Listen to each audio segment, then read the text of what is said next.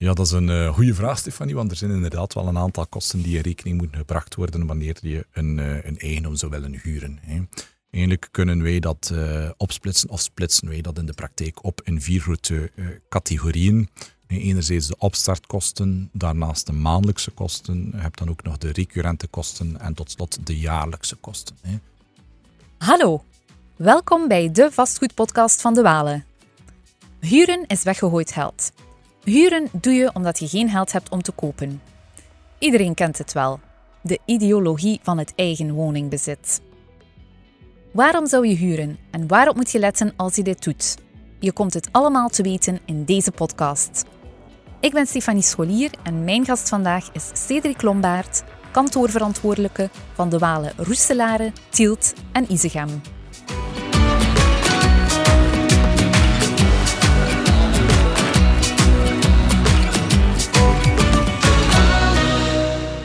Dag Cedric, welkom. Hey Stefanie. Blij dat je aan mijn tafel zit als gast vandaag. Naast je job als eh, kantoorverantwoordelijke van de Walen, Roeselare, Isegem en Tielt ben je ook de high-end expert verhuur- en rentmeesterschap binnen groep De Walen. Dat lijkt mij al een heel groot takenpakket.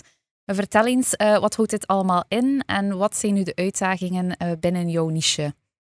Het uh, klopt inderdaad dat ik dagdagelijks insta voor de kantoren in Roeselaar, Isegem en Tielt wat het operationele luik betreft. Maar daarnaast ben ik ook de, um, ja, het centraal aanspreekpunt zeg maar, voor de Walen groep, voor alles wat met verhuur en beheer te maken heeft.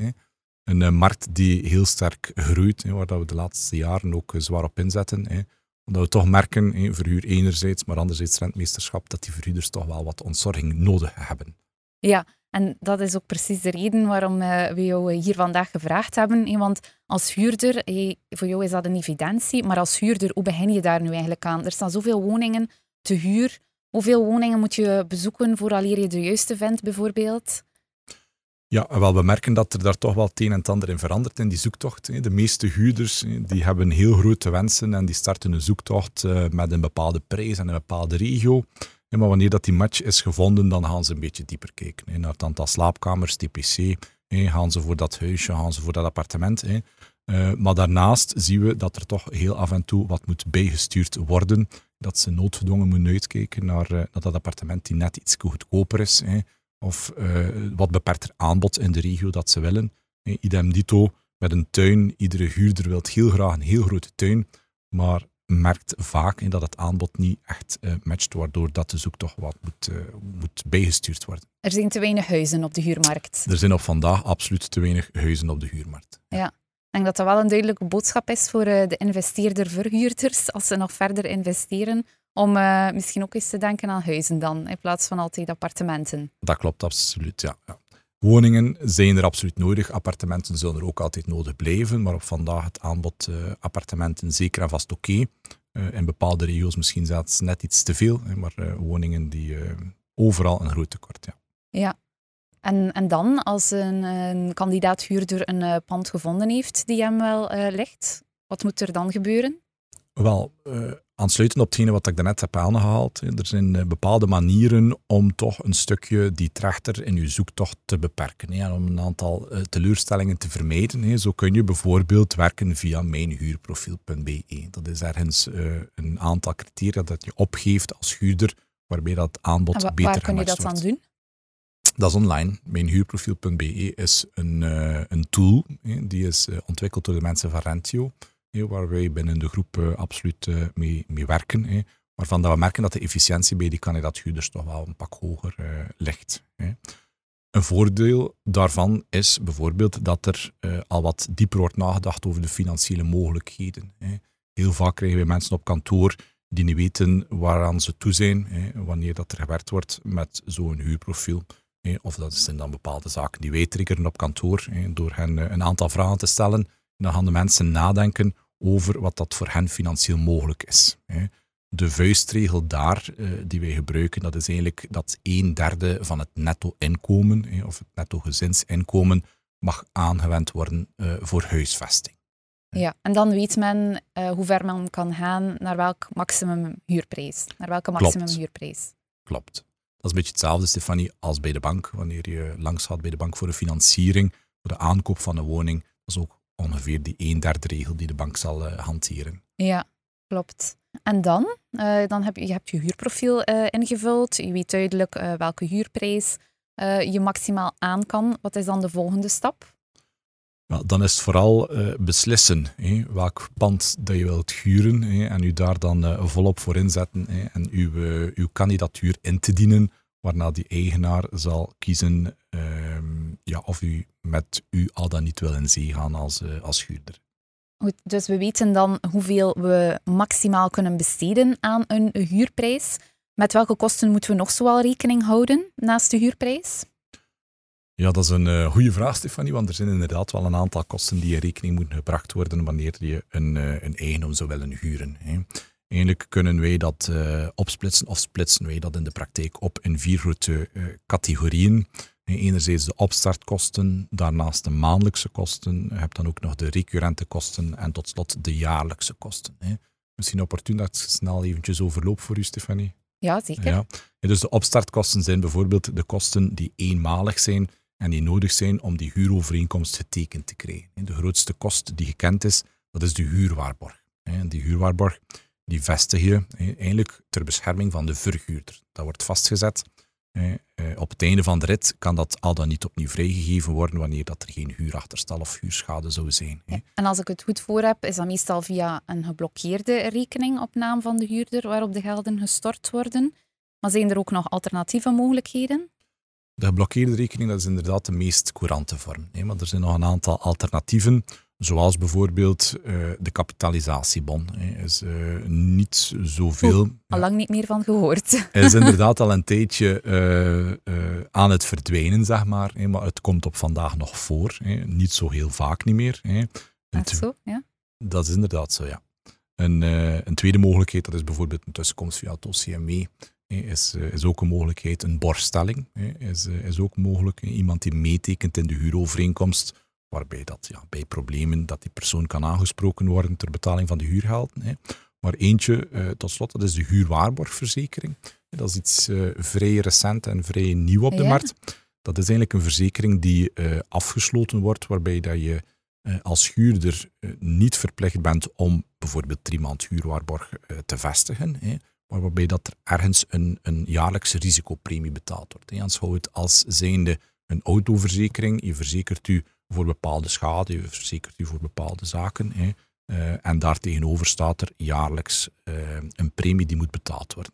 Het is iets vrij nieuw, maar we merken dat dat heel snel aan populariteit uh, wint op de markt. Ja, omdat de huurders hun spaarcentjes dan niet daarin moeten blokkeren, maar voor andere zaken kunnen gebruiken. Klopt inderdaad. Wanneer dat er iets gehuurd wordt, een heel aantal kosten. Die drie maand waarborg die moet gevestigd worden, dat is een vrij zware dobber. Zeker voor de jongste generatie. Eh, dan, eh, ja, dan zijn die gelden eigenlijk beschikbaar om leuke zaken mee te doen. En dat is dan misschien het verschil tussen die nieuwe zetel of die tweedehandse sofa die moet gezet worden in het appartement. En waar kan men dat afsluiten, die huurwaarborgverzekering? De huurwaarborgverzekering dat wordt eigenlijk aangeboden door uh, verzekeringsmaatschappijen. En dat is eigenlijk net zoals dat een autoverzekering of een brandverzekering wordt afgesloten. Hè. En dat uh, verloopt op vandaag meestal via de professionele vastgoedmakelaar. Hè. We merken dat het aandeel huurders die rechtstreeks die huurwaarborgverzekering afsluiten, dat dat eigenlijk nog niet zo heel groot is. Ah ja, ja oké. Het is dus wel een dienst die ook via jullie kan. Uh, meestal wel, ja. Vandaag. Het zou in principe kunnen rechtstreeks door de huurder, maar op vandaag is, wordt vooral gefaciliteerd door de vastgoedmakelaar. Ja. Oké. Wat hebben we nog als uh, eenmalige kosten? Um, wat dat er nog als eenmalige kost is naast die huurwaarborg, dat is bijvoorbeeld de kost voor de plaatsbeschrijving. Dat is uh, een expert die betaald wordt, die langskomt bij aanvang van de huurovereenkomst om alles vast te stellen wat dat er wel en niet aan de uh, eigendom zou zijn of is. Op het einde van de rit voert hij eigenlijk een controlerondgang uit om eventuele schade vast te stellen. Dat zijn dan de bedragen die eventueel van de waarborg kunnen afgehouden worden. En die lopen dan letterlijk in de woning rond om elk detail te noteren? Ja, is trouwens ook verplicht. Hè. Dus die expert loopt inderdaad rond, noteert en neemt foto's. Hè. Er bestaan veel slechte plaatsbeschrijvingen, drie pagina's of zelfs één A4'tje. De eigendom is in goede staat en dat is geen goede plaatsbeschrijving. Daar betaal ik ook zelf niets voor. Hè. Maar een plaatsbeschrijving, een goede, die heeft toch uh, een, derde, veertigtal pagina's, waaronder een heel aantal foto's die opgenomen worden kwestie om de discussie op het einde van de huurovereenkomst uh, tot, uh, tot uh, ja, het absolute minimum te herleiden. Ja, ja, absoluut. Ja. En dan misschien nog een laatste kost, een eenmalige kost, Stefanie, naast de waarborg en de plaatsbeschrijving. Dat is de kost voor de verhuis en de inrichting zelf. En daar merken we dat toch heel vaak fout loopt. De mensen houden rekening met de waarborg, houden rekening met de kosten die aangehaald worden door de makelaar. Maar vaak wordt bijvoorbeeld die verhuislift vergeten wanneer ze een appartement huurden op het, eh, op het vijfde verdiep. Eentje die absoluut moet in rekening gebracht worden um, vooraleer je start uh, aan de huurovereenkomst. Naast de opstartkosten, ik heb uh, aangehaald dat er vier categorieën zijn, hè, dan heb je ook nog de maandelijkse kosten. Dat zijn de, de, de, de hè, de maandelijkse zaken die terugkeren. De meest evidente is dan natuurlijk de huurprijs, die, die, die, moet betaald worden iedere maand aan de eigenaar, liefst voor de eerste van de maand, tenzij dat er andere afspraken zouden zijn met, met de eigenaar. Hè. Maar vergeet ook niet elektriciteit, gas, water, internet, televisie. Komt er allemaal bij. Huur je daarnaast een appartement, dan moet je ook rekening houden met de algemene kosten. Beter gekend in de volksmond als de syndiek. De syndiekkosten, dat zijn ook zaken die in rekening moeten gebracht worden. Die trouwens ook gelden voor de een derde regel.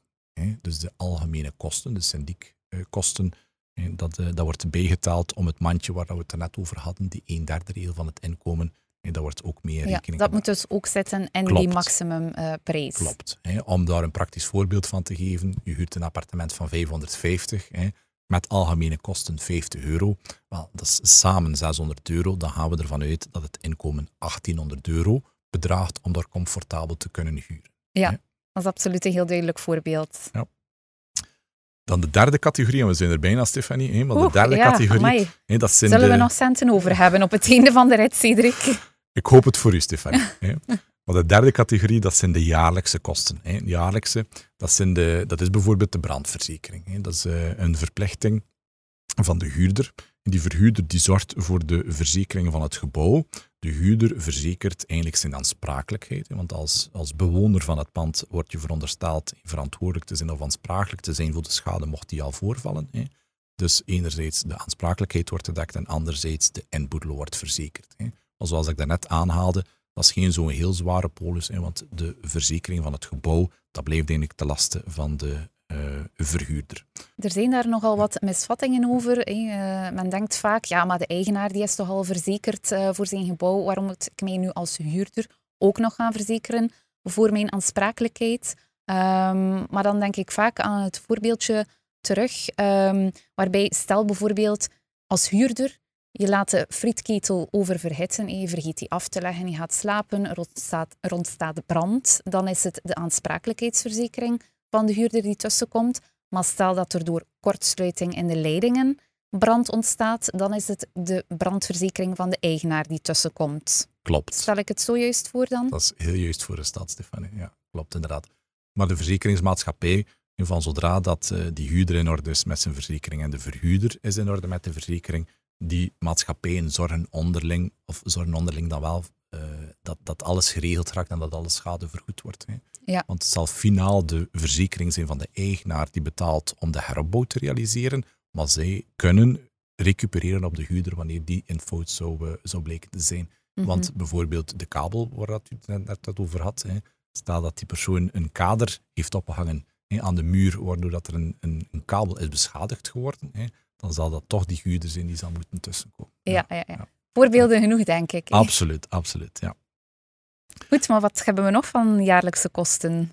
Wel, we hadden het net over de brandverzekering. Hè. Nog een, eh, een ander voorbeeldje is bijvoorbeeld de indexatie. Dat is ook een belangrijke. Het is niet omdat je op vandaag start met een huurovereenkomst aan 550 euro. Stel dat je daar vier of vijf jaar blijft, dan blijft dat geen 500 euro. Hè wanneer dat die indexatie niet expliciet wordt uitgesloten uit de huurovereenkomst, dan heeft die verhuurder het recht om eenmaal per jaar op de verjaardag van het contract um, die huur te indexeren. Dat ligt vast. Het is niet zo dat die huurder mag op zijn eentje beslissen om er 100 euro bij te tellen. Dat is een vaste formule met vaste indexatiecijfers. Die moet gehanteerd worden, waarbij dat die verhuurder u kan uitnodigen en in vele gevallen ook zal uitnodigen om de geïndexeerde huurprijs te betalen. Over hoeveel spreek je dan ongeveer?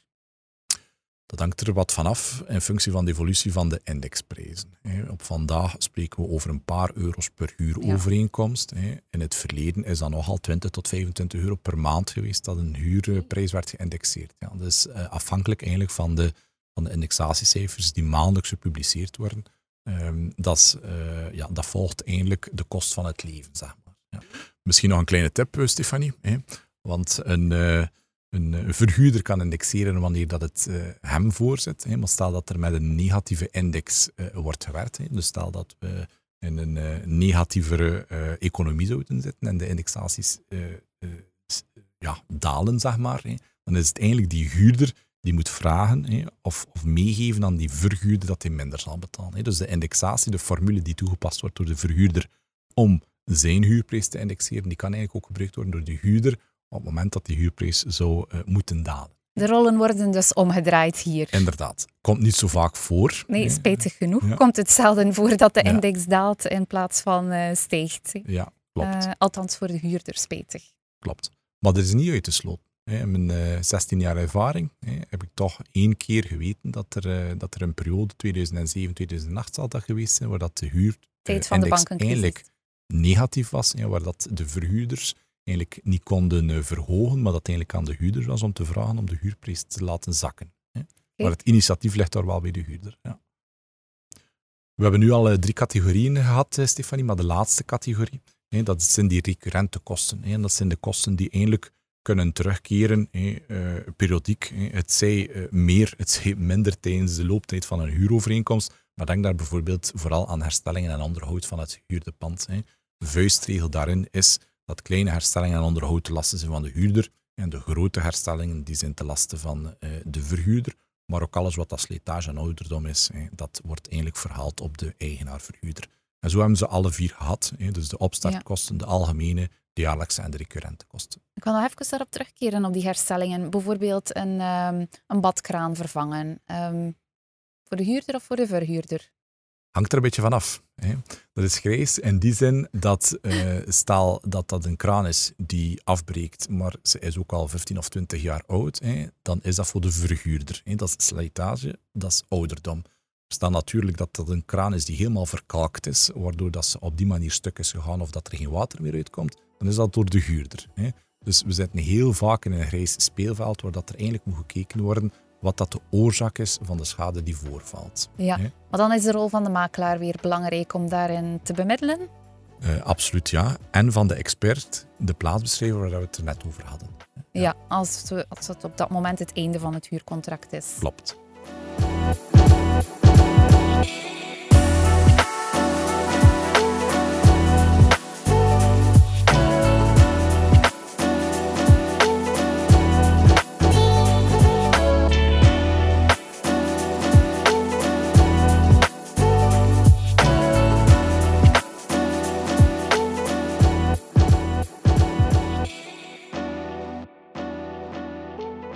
We hebben nu al een duidelijk zicht op alle kosten die komen kijken bij eh, het huren van een pand. Um, maar niet onbelangrijk daar is ook uh, het huurcontract zelf. Iedereen heeft de mond vol van 369-contracten. Maar als ik het goed voor heb, bestaat, uh, bestaan die 369-contracten niet meer. Dus uh, Cedric, wil jij um, mezelf en de luisteraars eens meenemen in de verschillende types van huurovereenkomsten? Uh, absoluut, Stefanie. En het klopt wat je zegt. Hè. Er wordt heel vaak nog gesproken over de 369, waarbij dat de huurder om de drie jaar zou kunnen opzeggen. Hè. Wel, ik heb voor die mensen goed nieuws. Hè. Sinds 1991 bestaat dat huurregime eigenlijk niet meer. Hè. Dus op vandaag zijn er uh, vier types van huurovereenkomsten die kunnen afgesloten worden. De huurovereenkomsten van korte duur, die van standaardduur, de huurovereenkomsten van lange duur en de levenslange duur.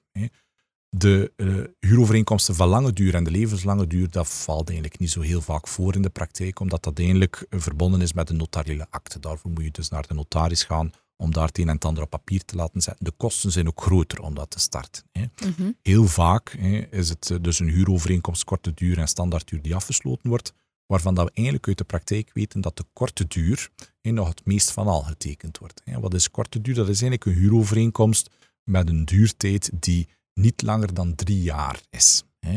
Dus dat is eigenlijk uh, ja, nog een keer extra proeven dan die mensen kunnen doen, hè, want het zijn alle mogelijkheden om daar vrij soepel uh, hun huurovereenkomst te beëindigen. Ja. Na die drie jaar, hè, dus stel er is een huurovereenkomst van drie jaar die afgesloten wordt, hè, ofwel beëindigt je de, de huurovereenkomst als huurder en verhuurder en daarna uh, houdt het gewoon op, Ofwel kan dat wel verlengd worden naar een huurovereenkomst van standaardhuur. En dat is dan de tweede mogelijkheid. Standaardhuur, je kunt er ook voor kiezen om meteen een huurovereenkomst af te sluiten van negen jaar. En dat is die standaardhuur. Dat is eigenlijk een mogelijkheid, of dat is eigenlijk een huurovereenkomst waarbij dat die huurder ten allen tijde de mogelijkheid heeft om op te zeggen.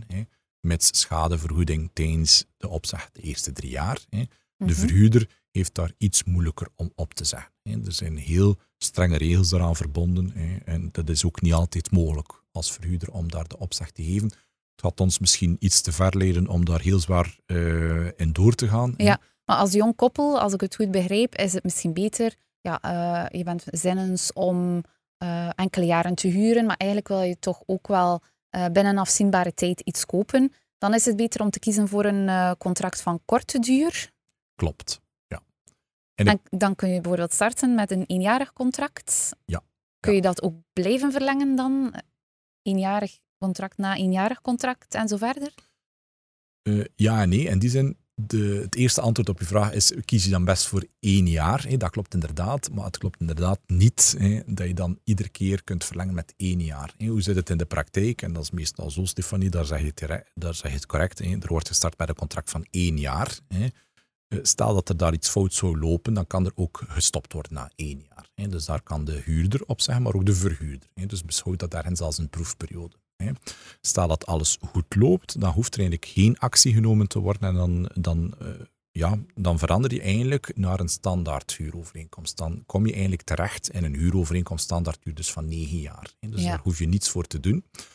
Stel dat er daar ergens een beetje discussie zou zijn, of misschien ben je aan het bouwen, of, of de verhuis na één jaar komt niet heel goed uit en je wilt er toch nog net iets extra uh, bijvoegen bij de huurovereenkomst zonder meteen in de standaardhuur van 9 jaar terecht te komen, dan kun je één keer verlengen onder dezelfde voorwaarden. voor zover dat het nooit langer mag zijn dan drie jaar. Dus je start met een huurovereenkomst van één jaar, maar je kunt nog een keer verlengen onder dezelfde voorwaarden. Je kunt er één of twee jaar bij doen, of al hetgene wat dat ertussen zit, maar niet meer dan twee jaar. Ja. Contract van bepaalde duur kan nooit, of van korte duur kan nooit langer zijn dan drie jaar. In de praktijk meestal één jaar, waarna dat overloopt naar een uh, contract van standaardduur. Als er een beetje twijfel is, dan wordt er meestal nog één jaar bij gedaan. Waarbij dat er dan opnieuw dezelfde keuze kan gesteld worden. Ofwel doe je niets en dan loopt het gewoon door, ofwel zeg je op. Daar dan nog een keer verlengen, dat kan niet. Dus je hebt maar mogelijkheid om één keer te verlengen. Ja, oké. Naast uh, de aandacht uh, die er moet zijn op de duurtijd of het type huurovereenkomst, uh, waarop moeten de huurders nog letten in de huurovereenkomst? Wel, een professionele vastgoedmakelaar zal er natuurlijk op toezien dat de huurovereenkomst die opgemaakt wordt, die, dat, die, dat die waterdicht is. Natuurlijk, er zijn wel een aantal zaken waarbij je als huurder of verhuurder toch wel belangrijk zit om, om zelf eventjes in te grasduinen. Kwestie van niet voor verrassingen komen te staan. Voor eerst heb je de partijen zelf. Het uh, klinkt heel aanlokkelijk om als jong koppel ergens iets te huren, hè, maar op het moment dat je de beslissing maakt dat er één of beide zal tekenen, kan dat wel ergens zijn consequenties hebben. Hè. Mhm. Ook het statuut waaronder dat je samenwoont, bijvoorbeeld feitelijk samenwoont of wettelijk samenwoont of gehuwd, hè, dat kan zijn rol spelen. Hè. Ik geef je daarbij een voorbeeldje. Er is een koppeltje die samenwoont, feitelijk samenwoont, dus dat wil zeggen niet wettelijk samenwoont of niet gehuwd. Wanneer dat er daar maar één van de twee zou tekenen, dan is die ene partij ook uh, ja, 100% verantwoordelijk voor die huurovereenkomst. Huurschade, huurachterstal, alles zal verhaald worden op die ene partij. Stel ook dat het tot een breuk zou komen, hè, dan is het de partij die getekend heeft, die daar zijn volle recht kan laten spelen op die huurovereenkomst. Die andere partij heeft daar in principe niets aan te zeggen aan, aan de aanzienige huurovereenkomst die op dat moment loopt. Hè. Dus afhankelijk van de situatie heeft het zijn voor- of nadelen als hij er alleen op staat. Uh op de huurovereenkomst. Dat klopt inderdaad. Dus best feitelijk samenwoont dat beide partijen tekenen, om, daar, eh, om daar duidelijk in te zijn. Wanneer je eigenlijk gehuwd of wettelijk samenwoond uh, bent, dan volstaat in principe eigenlijk maar één handtekening. Uit de praktijk weten we dat beide partijen graag tekenen en dat dat toch ergens een zekerheid heeft. Maar puur juridisch strikt genomen is uh, één handtekening voldoende om eigenlijk uw partner te betrekken in die, in die huurovereenkomst. Wat gebeurt er dan eigenlijk um, als mensen uit elkaar gaan? Uh, dat is een interessante vraag. In die zin dat er dan inderdaad moet gekeken worden wie dat er in die huurovereenkomst staat en wie dat er getekend heeft. He, zoals ik daarnet aanhaalde, als uh, een koppeltje uit elkaar gaat feitelijk samen wonen, dan is de partij die getekend heeft, die daar basis. Stel dat er daar een, een, een echtscheiding komt, een koppel die gehuwd heeft, dan is het eigenlijk onderling dat er zal moeten gekeken worden wie dat er zal kunnen of mogen of willen blijven wonen. Stel je er echt niet uitraakt als koppel, dan zal het de vrederechter zijn die zal een beslissing nemen en wie dat mag blijven wonen in, woning of, in de woning of in het appartement. Maar wat als nu de verhuurder eigenlijk niet wil dat er één van de twee blijft wonen, omwille van de solvabiliteit bijvoorbeeld? Omdat één inkomen onvoldoende is om het pand te blijven bewonen? Alle discussies die zullen moeten voorgelegd worden aan de vrederechter. Dat is eigenlijk de, het uitgangspunt in die zin dat je dat natuurlijk wilt vermijden. Maar er zijn een aantal situaties waarin dat de verhuurder kan weigeren om mee te gaan in het plan om uit elkaar te gaan, zeg maar. Wanneer dat er maar één partij getekend heeft als feitelijk samenwonend, dan kan die verhuurder daar niet veel aan doen. Stel dat je feitelijk samenwonend bent en je hebt alle twee getekend op die huurovereenkomst en er komt een breuk, dan kan de verhuurder op dat moment weigeren om verder te verhuren aan één van de twee partijen. Ben je gehuwd of wettelijk samenwoont, ga je uit elkaar en laat je dat weten aan de verhuurder, dan heeft hij op dat moment geen basis om te weigeren. Dan kan het niet zijn dat die verhuurder zegt van ja, maar ik wil maar verder huren aan een van de twee partijen. Bij een gehuwd of een wettelijk samenkoppel is dat eigenlijk niet, eh, niet aan de orde. Ja, ja. Maar dan nog, als die vrederechter van mening, eh, excuseer, als de verhuurder van mening is uh, dat, uh, dat hij recht heeft om te spreken, hè, dan kan hij zijn vraag wel voorleggen aan de vrederechter. Dat klopt. Ja. Een, uh, een tweede gegeven, St Stefanie, waar dat er naar gekeken moet worden naast die partijen, dat is de bestemming van het goed. Hè. En dat merken we vanuit de praktijk toch wel hier en daar een misverstand rond. Hè. In de huurovereenkomst die getekend wordt voor een woning of een appartement, daar zal meestal in staan dat, het, dat de huurovereenkomst uitdrukkelijk wordt afgesloten voor, voor bewoning. Dus dat er geen handel mag gedreven worden. Stel dat dat achteraf wel zou blijken en de verhuurder um, ja, wordt belast op die huur gehaald, want dat is het gevolg. Wanneer dat je als huurder ergens huur uh, als uh, onkost inbrengt in je boekhouding, dus beroepshalve gebruikt, dan zal die verhuurder belastingen moeten betalen. Mocht dat naar boven komen, dan zal die kost gerecupereerd worden op u als huurder. Vandaar van meet af aan goede afspraken. Het is een woning dat ik huur, uitsluitend voor bewoning. Dus ik zal daar geen handel drijven. Uh, dat, is, dat is een belangrijk. Stel dat je dat toch van plan bent, weet dan dat er ergens uh, ja, financieel iets tegenover zal staan. Wanneer dat die verhuurder zal, uh, zal belastingen moeten betalen of meer belasting zal moeten betalen. Maar een, een hogere huurprijs dus. Een hogere huurprijs, inderdaad. Um, een verwittigd man is er twee waard. Op het moment dat je dat van plan bent, dan kun je dat uiteraard altijd afstemmen met de verhuurder. En dan uh, nog een aantal evidente, za uh, evidente zaken, Stefanie, zoals bijvoorbeeld ja, de startdatum en de duurtijd van die huurovereenkomst, de huurprijs aan de waarborg, de lasten, lijkt ons allemaal evident. Hè. Maar als huurder ben je soms verblind door de eigendom dat je enkel de huurprijs ziet. Hè. Dat je vergeet hè, van die waarborg ja. dat dat erbij komt, of die syndiekkosten, dat merken we vaak. Hè. Dus, um, dus de ehm, boodschap is om uh, absoluut alles na te lezen in het huurcontract, zodanig dat je ook weet wat je ondertekent. Dat is absoluut de boodschap, ja. Maar dan inderdaad, je zegt het zelf, ja, men is verblind door de woning, men wil er zo snel mogelijk in. Uh, dus eenmaal het huurcontract getekend is en de startdatum komt uh, naderbij, dan krijgt men die sleutel. Dat is ook altijd een, een fantastisch moment. Um, maar wat gebeurt er eigenlijk nog allemaal op het moment van die sleutelafgifte? Er zijn een aantal zaken uh, waarmee je in orde moet uh, zijn, Stefanie, als huurder. Dat is uh, bijvoorbeeld de waarborg, die moet in orde zijn. Ofwel is die volstort, ofwel heb je die huurwaarborgverzekering afgesloten, waar we het net over hadden. De brandverzekering moet geregeld zijn. Daarnaast in de praktijk moet meestal ook de eerste maand huur en de plaatsbeschrijving in orde zijn. Die expert moet langs geweest zijn om die plaatsbeschrijving op te maken.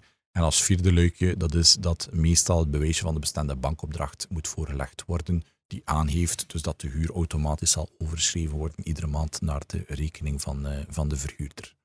Ja, en ik denk bijvoorbeeld ook nog aan de overdracht van de nutsvoorzieningen. Dat klopt. In de praktijk is dat meestal de expert-plaatsbeschrijver die de meterstanden noteert, hè, om dan door te geven aan de partijen. Hè, want die plaatsbeschrijving dat wordt getekend, kan er achteraf geen discussie over zijn. Dus op, op basis van die meterstanden. Ah ja, dat wordt samengenomen. Dat wordt eigenlijk in de praktijk meestal samengenomen, ja. Ja. Oké, okay, maar de huurder die is een um, volle enthousiasme over het betrekken van zijn huurwoning, maar om bepaalde redenen kan het toch zijn dat hij vroeger dan aanvankelijk gedacht uit zijn huurwoning wenst te gaan. Ja.